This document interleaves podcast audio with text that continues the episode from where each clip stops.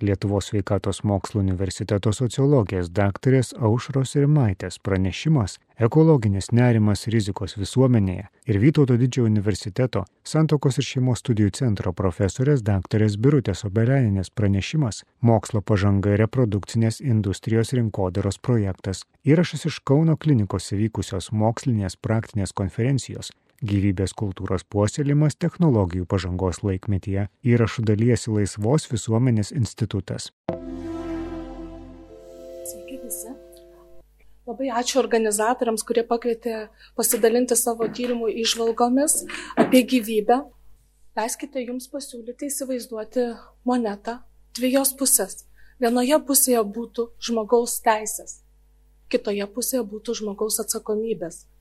Tačiau dažnai, kai mes susidurėme su tom technologijom, naujausiom technologijom, mes pamirštame, kad mes esame atsakingi už žmogaus gyvybę, ar mes nedarome nusikaltimus prie žmoniją, ar mes atsakingi už uh, visą pasaulį.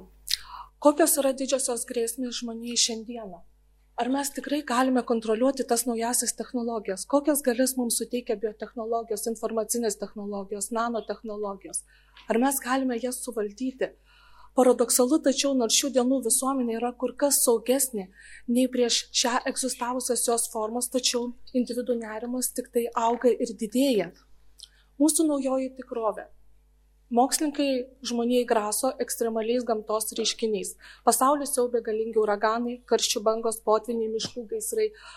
Pasak ekspertų, jie tik taps dažnesni, intensyvesni ir smarkesni paukščių gripo protrukis Azijoje, tsunamis Japonijoje, liūtis nuolat kankina Bangladešą, Nepalą, Indiją, Marija Puerto Rike, piktoji Laura, Irma Karibose, Floridoje, Harvey, Teksase. Tai sausros gaisrai Kalifornijoje, Australijoje, Graikijoje, Portugalijoje. Pasaulyje bus dar ekstremalesnių meteorologinių reiškinių. Tačiau šie įvykiai, jie vyksta skirtingose pasaulio kraštuose, bet individo sąmonėje suformuoja rizikos jausmą.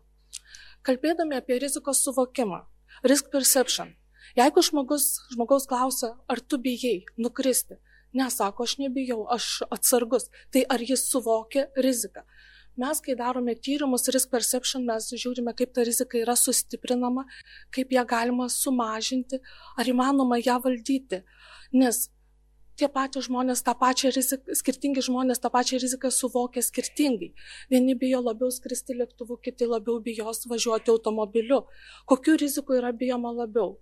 Tai tyrimai rodo, kad vis dėlto mes labiau bijome tų naujųjų rizikų, su kuriuom mums dar neteko susidurti, tos, kurios yra tiesiogiai susijusios su mirtimi, kurios, apie kurias mes turime mažai informacijos.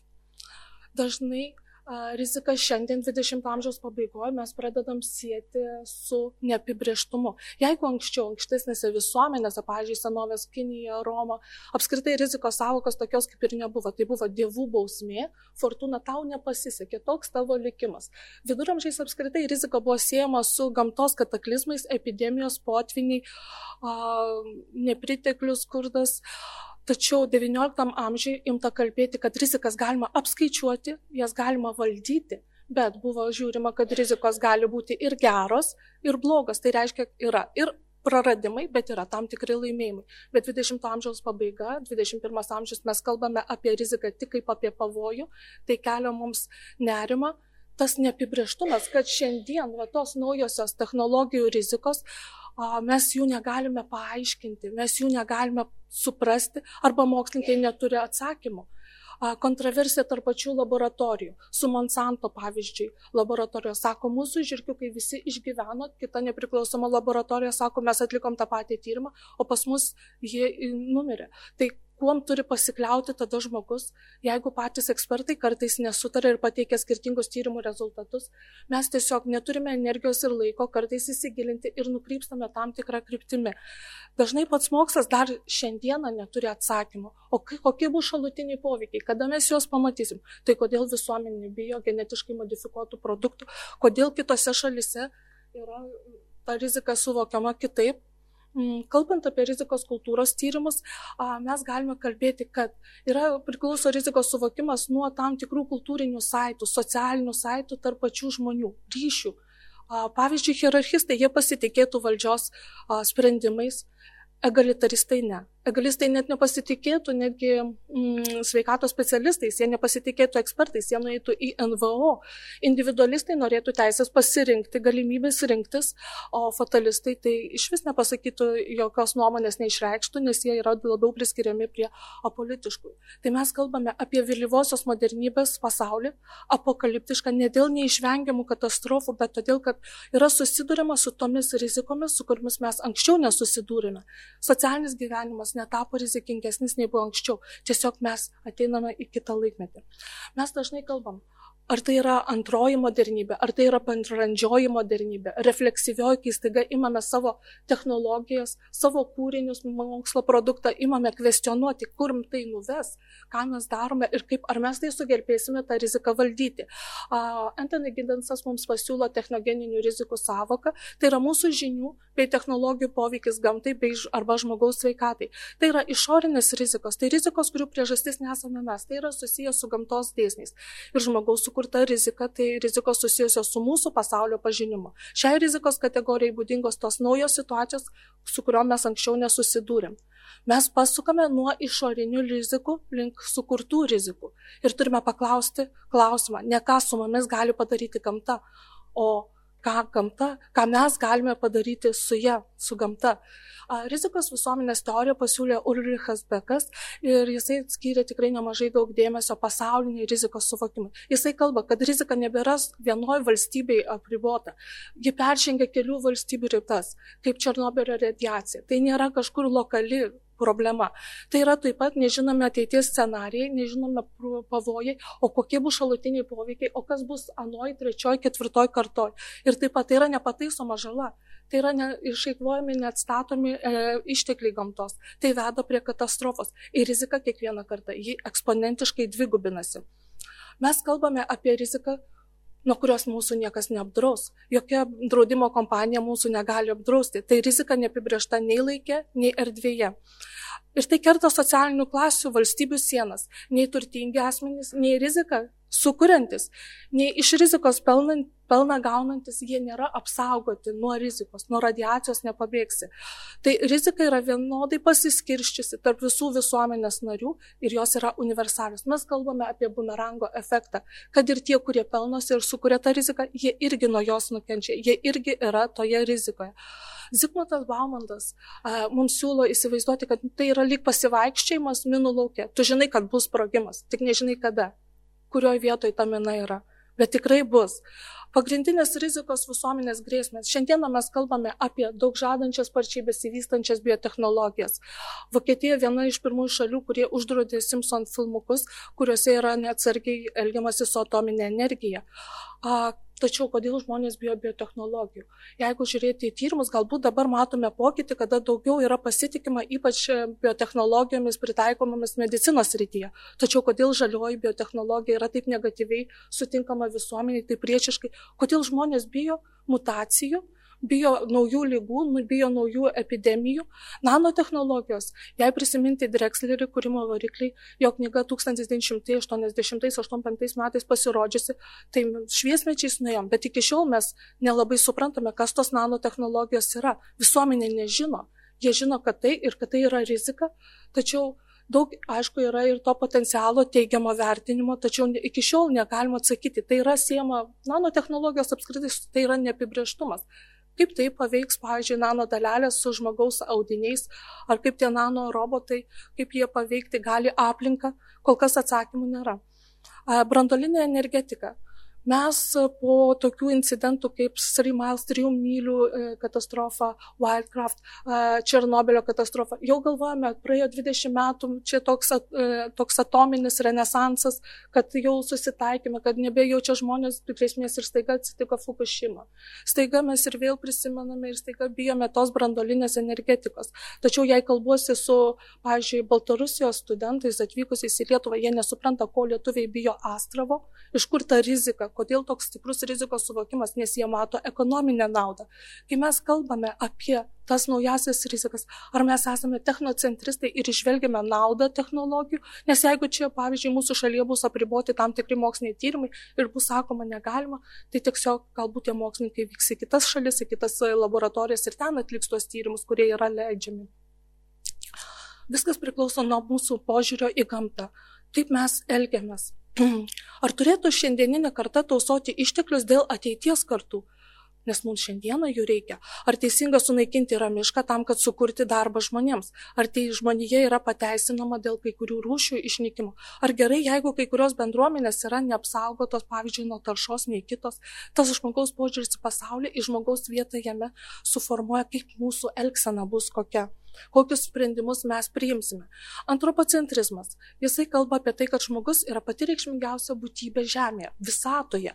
Na, kaip pavyzdžiui, jei žiūrėjai kalbėti kaip apie rūšį, apie žmogų, tai vorai būtų vorocentriški, vilkai vilkocentriški, žmogus antropocentriškas antropocentrizmas yra kritikuojamas dėl to, kad sukėlė ekologinę krizę, kad nepagal svarsto apie tai, o kas likusiam pasauliui.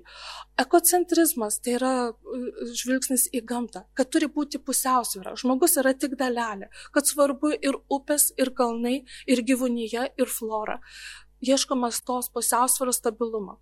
A, ekocentristai žiūri į gamtą kaip į šventą. Jie netgi pasisako prieš moksliniams tyrimams naudojamus laboratorinius gyvūnus, ar, pavyzdžiui, kaip prašau, prieš ekoturizmą, ar jeigu gaisras kyla dar natūralių priežasčių, jo gesinti nereikėtų. Mes vis žudome planetą netgi tada, kai mes bijome mirti. Aš pateikiu čia Danų menininko Sithairo įspūdingus darbus, kurie parodo žmogaus vietą. Štai kur žmogaus vieta šioje planetoje. Tai ar jis dominuoja? Romos klubas 1972 metais pakankamai seniai išleido augimo ribos, Growth of the Growth, tik nuo Limits of the Growth. Noriu tik priminti, ką jie padarė. Jie pasakė, Uh, tais ir tais metais baigsis nafta, tais ir tais metais nebebus ak akmens anglės, tais ir tais metais bus paskutinis žmogus Žemėje. Ar jūs susprogdintumėte šią planetą, jeigu žinotumėt, kad esat paskutinis žmogus Žemėje? Tai sulaukta kritikos labai daug Romos klubai. Bet jie sako, mes tik pateikiam faktus, mes nenorime gazdinti, bet jeigu šiandien nepadarysim tam tikrų sprendimų, šis scenarius tiesiog bus įgyvendintas. Ar mes gyvename pražūties visuomeniai, Doomsday Society? Kiek žmoniai liko iki tos katastrofiškos pražūties - brandoliniai ginklai, klimato kaitą sukeliančios technologijos, gyvybės moksluose pokyčiai, kurie gali padaryti net šaukiamą žalą.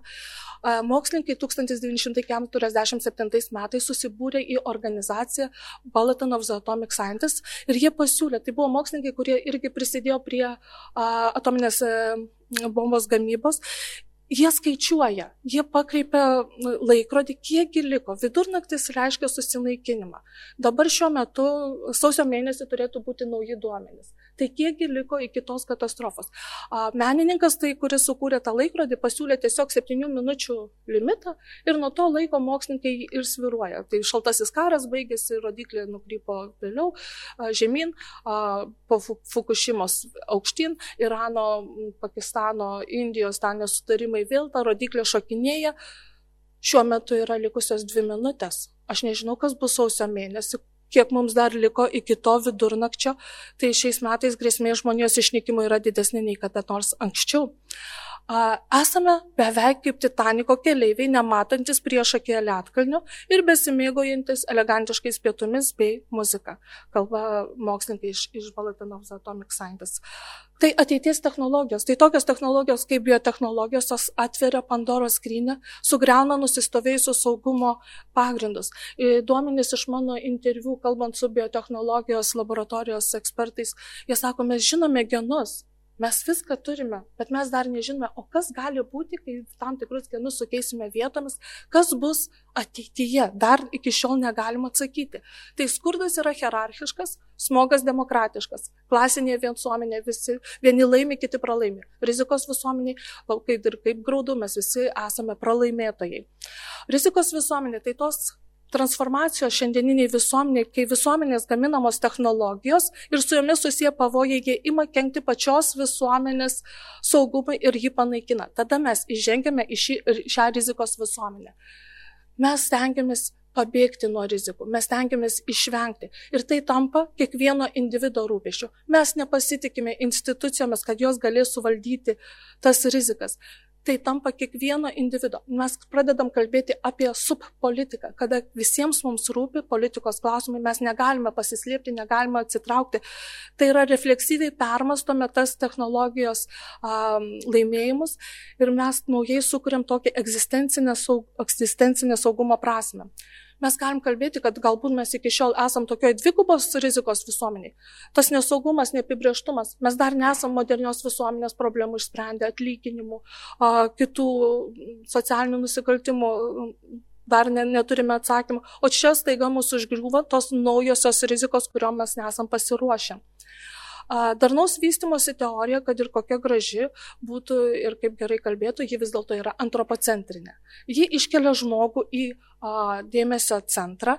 Ir čia žmonių, o ne gyvūnų ar ekosistemų poreikiai yra iškeliami į pirmą vietą ir pabrėžiama, kad dabar gyvenantys žmonės turi rūpintis ne tik savo, bet ir ateities kartų poreikiais.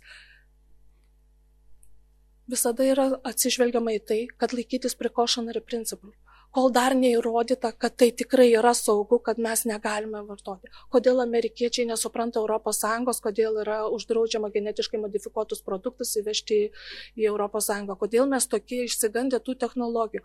Atsargumo principas, kol aš nežinau, kad tai nepakenks, kol kas mes to atsisakome ir neleidžiame. Ekocidas, bet kokia ekstensyvi žala padaryta natūraliam gamtovaizdžiui arba jo sunaikinimui, ekosistemos ardymas, praradimas, kai iškyla pavojus grėsmė. Šiandieną daug daug yra kalbama apie ekocidą, yra norima netgi jį įteisinti kaip tarptautinį nusikaltimą žmonijai, bet tada kiekvienas mūsų tampame kaip ir atsakingas už tai. Susilaukia ir kritikos, kad galbūt nereikėtų lyginti ekocido ir genocido, bet tai taip pat yra pavojus gyvybei. Galbūt namus galima atstatyti po karo, bet neišsaugosim prarastų gyvybių, sveikatos neatstatysime. Šiuolaikinio pasaulio krizės indikatoriai Tai naujos technologijos, kurios veda prie katastrofos. Tai dar nežinomi ateities pavojai, eksponentinis rizikos augimas, apokaliptinė grėsmė. Karo ekspertas Robertas Latifas, jisai rašo, kad visuomenė tapo kaip ir, na, pasaulis tapo greitpuodžiu. Mes turime visus ingredientus pasauliniam konfliktui įvykti. Tai ir dirbtinio intelekto sistemos, eksperimentai su patogenais ir viršgarsiniai ginklai. Mokslininkai kartoja Gretos Thunberg žodžius. Kaip jūs drįstate? Nes vis mažiau laiko yra pasukti tą Doomsday Society pražuties laikrodžio rodiklę. Anot mokslininkų virties dar yra numalšinti tą brandolinę įtampą, sulėtinti klimato kaitą ir tik pasaulio, jeigu tik pasaulio lyderiai veiktų kartu. Apokaliptinė analizė paralyžiuoja žmonės ir skatina neveiksnumą, sako Jerry Brownas, vienas iš uh, Bulletin of Atomic Scientists uh, lyderių. Jisai kalba, jeigu sakai žmogui tiesą, uh, jie nenori klausytis, nes Tai yra per baisu ir jie tada žiūri tą mokslininką kaip į kokį pamišėlį ir jis sako, kad mes tiesiog dabar žaidžiame kaip rusišką ruletę su žmonėje. Tikslas nėra kelti paniką, tikslas yra pasakyti, kad mes tokiais dalykais nejokaujame. Ekologizmo idėja teigia, kad žmogus nebeturi gyventi taip, lyg užimtų tą šeimininko dominuojančiojo poziciją, kuriam priklauso visa gamta. Tikslas išsaugoti gamtą, žmogų, aplinką nuo degradacijos išnykimo. Apibendrinant noriu pasakyti, kad rizikos visuomenė jie siūlo permastyti tą globalų rizikos poveikį, pasaulyje žiūrų kaitą, vertybių krizę ir elgseną krizių akivaizdoje.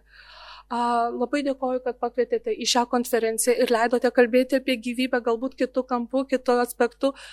Svarbiausia tai yra makes a world better place. Kurkime saugesnį pasaulį. Ačiū Jums labai.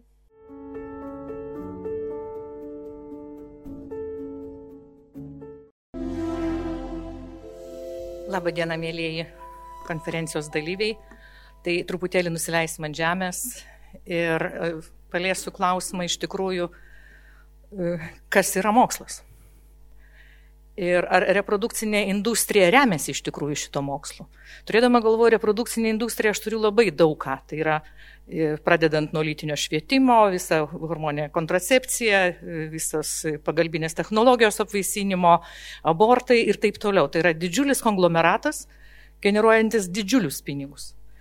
Taigi vos tik tai pasirodė projektas Seimo nario Kukuraičio, kažkodėl tai pasirodė projektas Seimo nario Kukuraičio, iš karto pasipylė tam tikrų moterų organizacijų priekaištai, kad moters teisė į nešališką ir mokslų grįstą informaciją apie neštumo nutraukimą.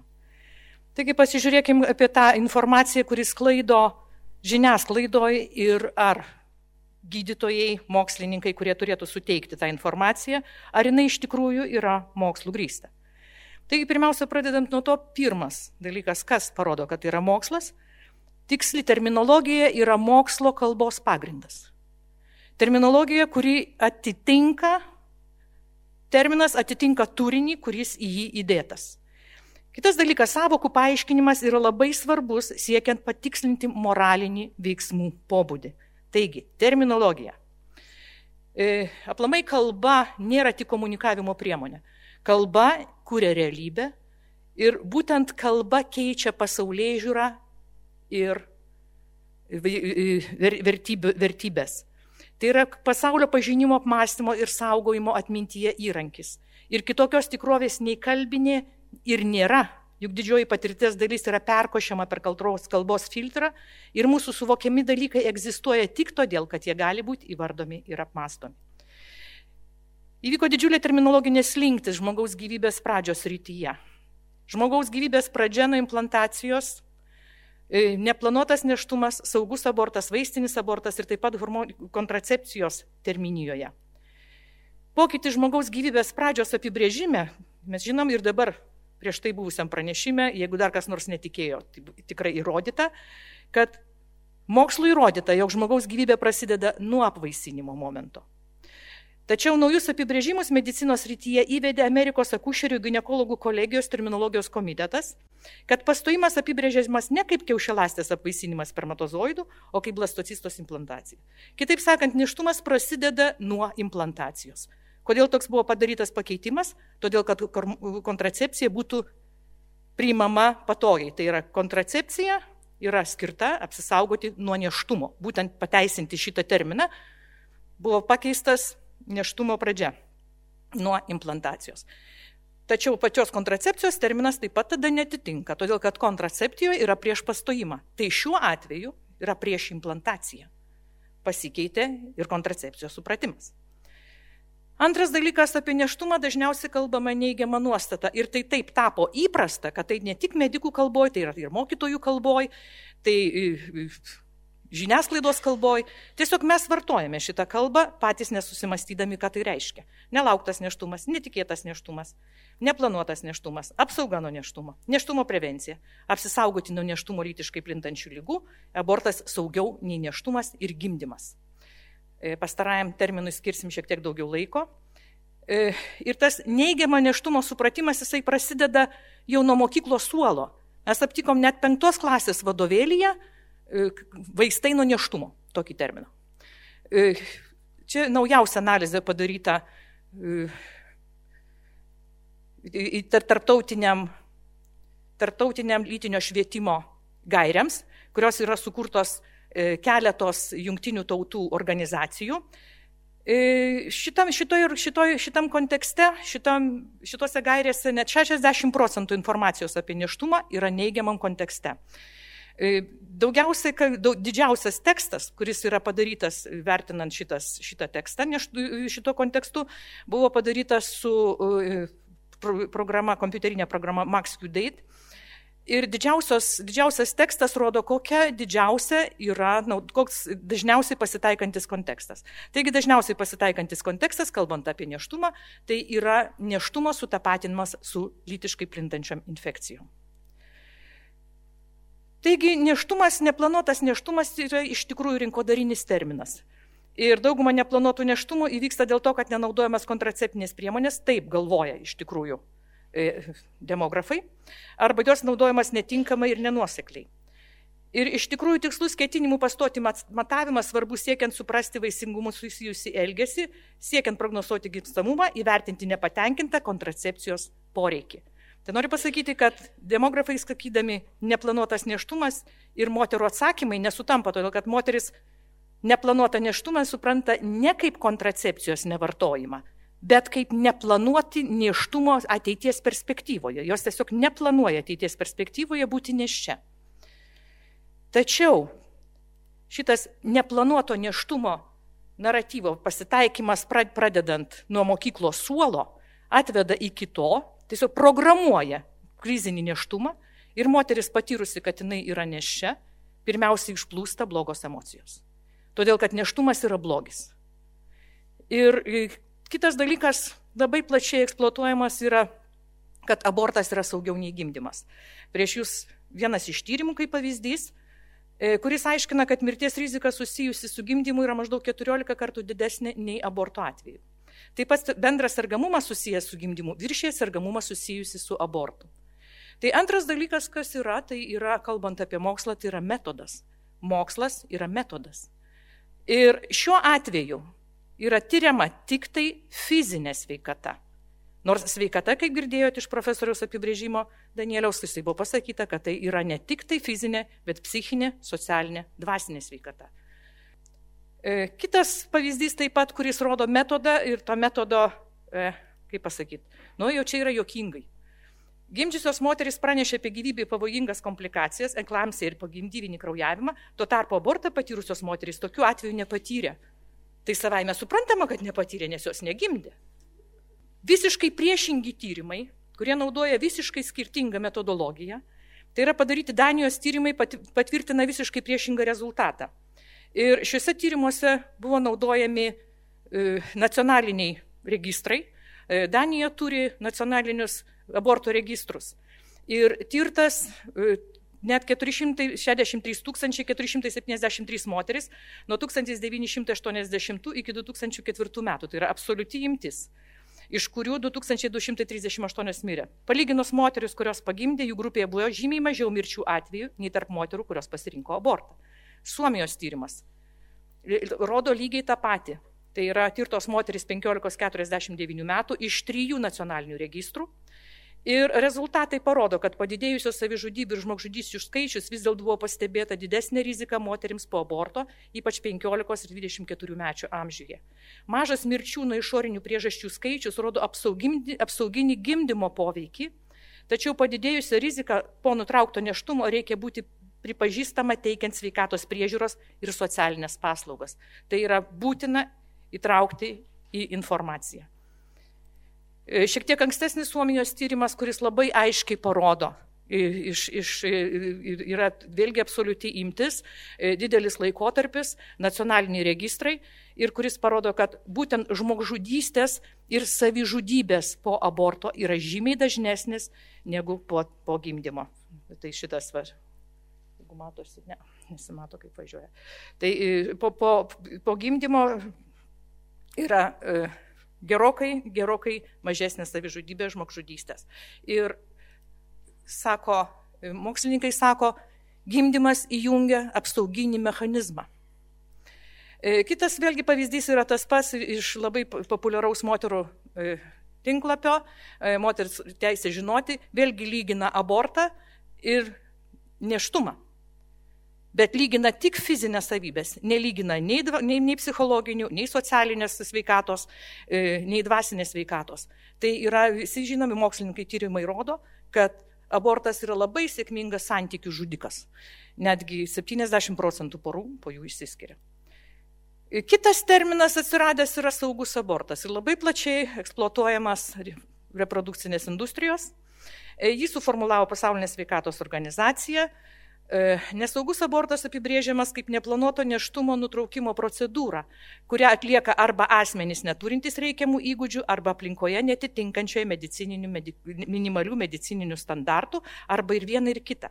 Tai jeigu, jeigu palygintumėm šitą apibrėžimą su mūsų baudžiamojo kodekso 142 straipsnio neteisėtų abortų, rastumėm lygiai tą patį kad tai yra neteisėtas, jeigu atliekama specialisto, kuris neturi tam teisės, arba nemedicinos įstaigoje, arba vienas ir kitas.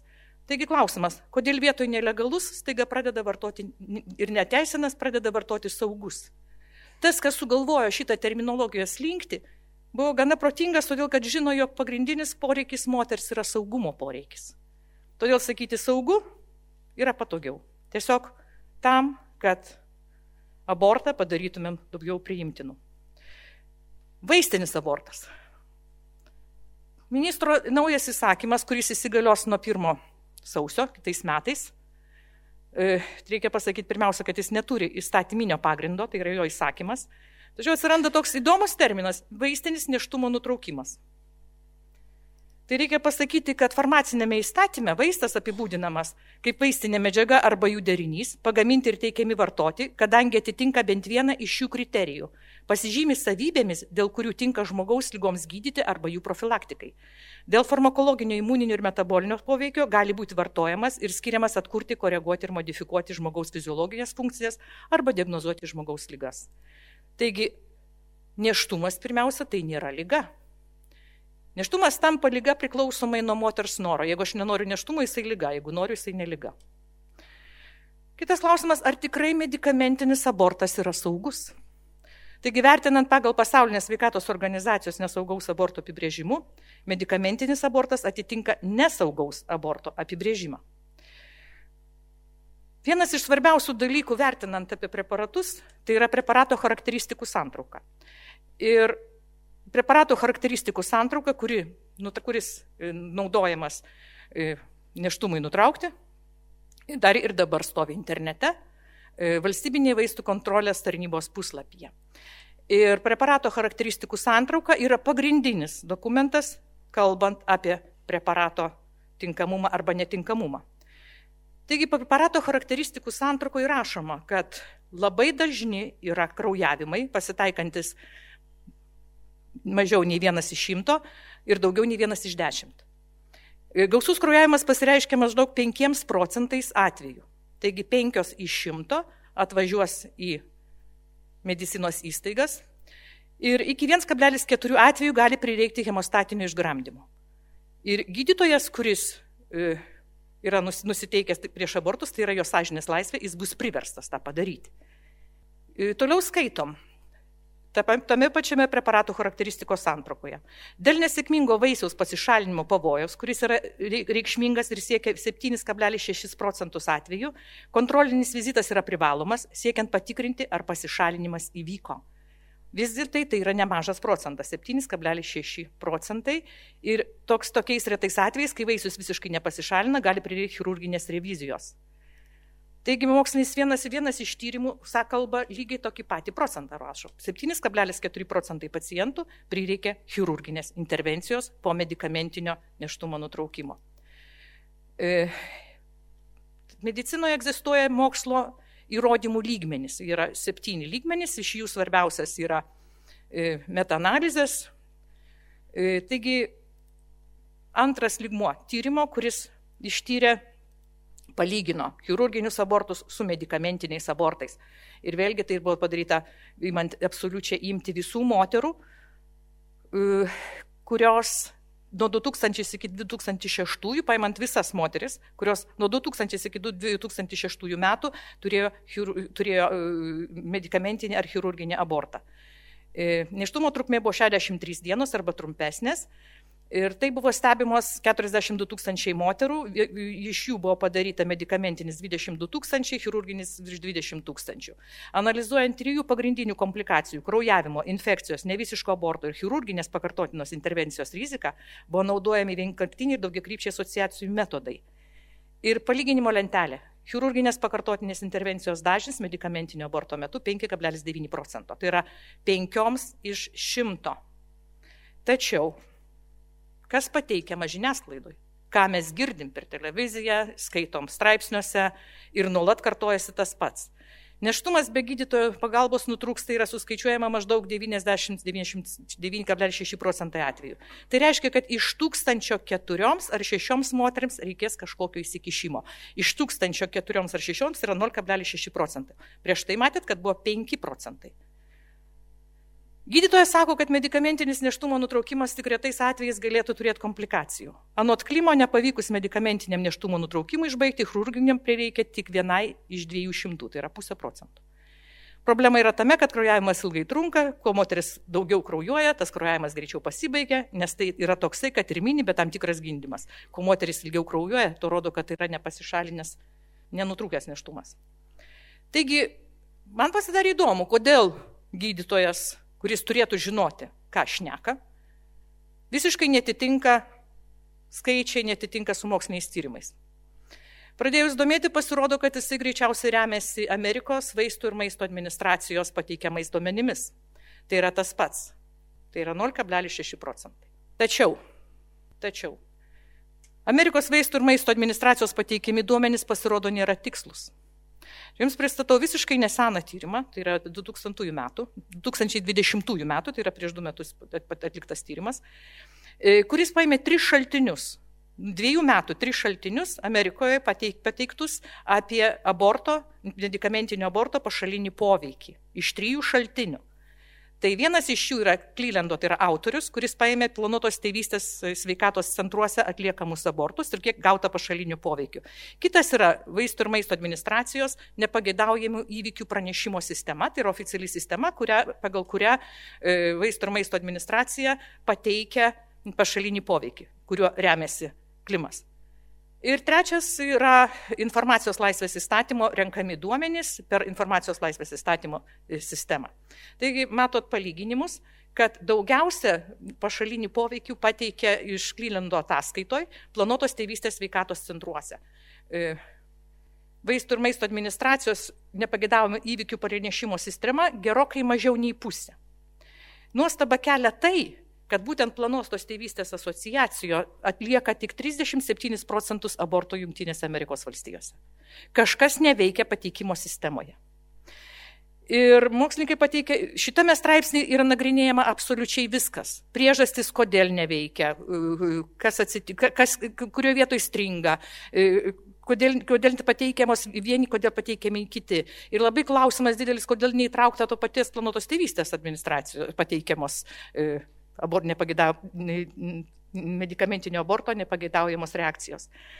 Ir išvados yra tokios, kad yra labai didelis netitikimas tarp bendro 2009 ir 2010 mifepristono aborto nepagėdaujamo atveju ir kad grečių atvejų, apie kuriuos pranesta šituose trijuose šaltiniuose. Dėl šitų netitikimų Amerikos maisto ir vaisto administracijos sistema yra netinkama mifepristono aborto saugumui įvertinti. Dar daugiau. 2021 metais Amerikos vaistų ir maisto agentūra pakeitė rizikos įvertinimo ir mažinimo strategiją medicamentinio aborto vartojime. Ankstesnėse šios strategijos versijose, patikta 2016, buvo griežtas reikalavimas, kad medikamentai sukeliantis abortą gali būti išduodami tik klinikose, gydytojų kabinetuose ir ligoninėse sertifikuoto sveikatos priežiūros paslaugų teikėjo arba jam prižiūrint. Šita pastaba išmesta ir 2021 metais naujoje versijoje yra pakeičiama. Vaistinės išduodančios preparatą turi būti sertifikuotos. Kitaip sakant, keičiasi teikė, teikėjas paslaugos iš klinikų, sveikatos priežiūros įstaigų į vaistinės. Vaistinėse atsiras nauja paslauga - vaistinis abortas.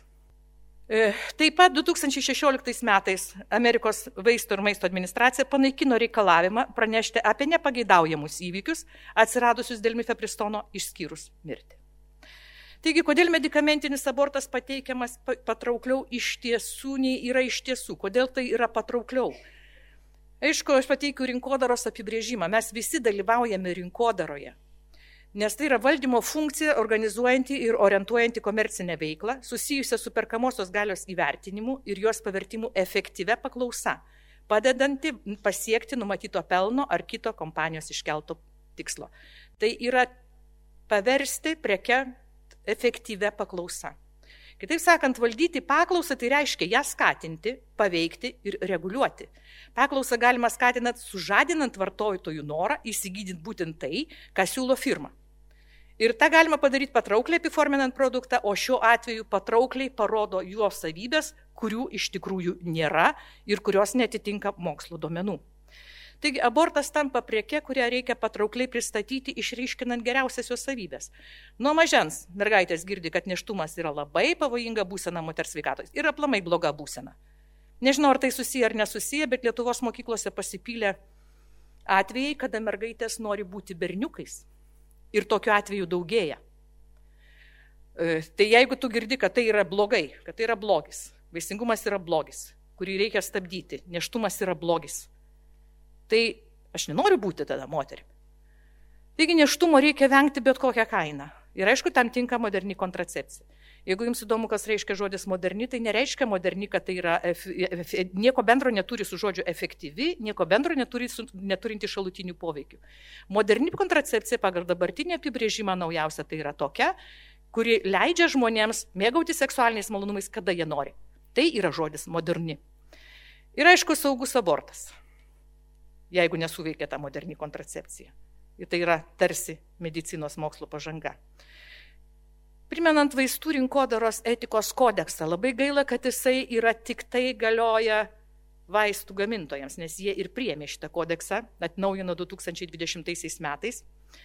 Ir vienas iš jų punktų skelbia, kad ypač reklaminiai teiginiai susijęs su nepageidaujamus reakcijomis turi būti pagristi turimais įrodymais ir klinikinių tyrimų išvadomis. Klinikinių tyrimų išvadomis, primenu, yra įkeltos į preparato charakteristikos santrauką. Todėl kodekse rašoma, kuri jau yra patvirtinta vaisto charakteristikų santraukoje.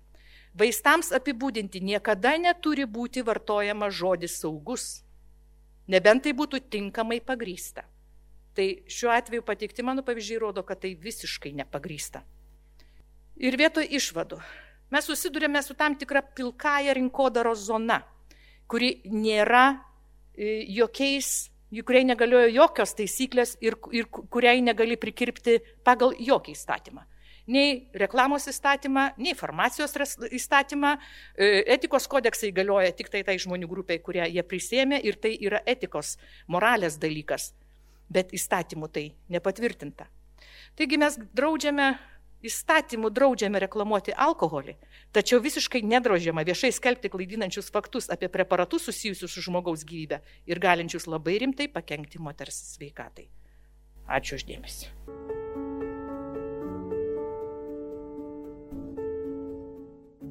Lietuvos sveikatos mokslo universiteto sociologijos daktarės Aušros Rimaitės pranešimas Ekologinis nerimas rizikos visuomenėje ir Vytauto didžiojo universiteto Santokos ir šeimos studijų centro profesorės daktarės Birutės Obeleninės pranešimas Mokslo pažanga ir reprodukcinės industrijos rinkodaros projektas. Įrašas iš Kauno klinikos įvykusios mokslinės praktinės konferencijos gyvybės kultūros puoselėjimas technologijų pažangos laikmetyje įrašų dalyjasi Laisvos visuomenės institutas.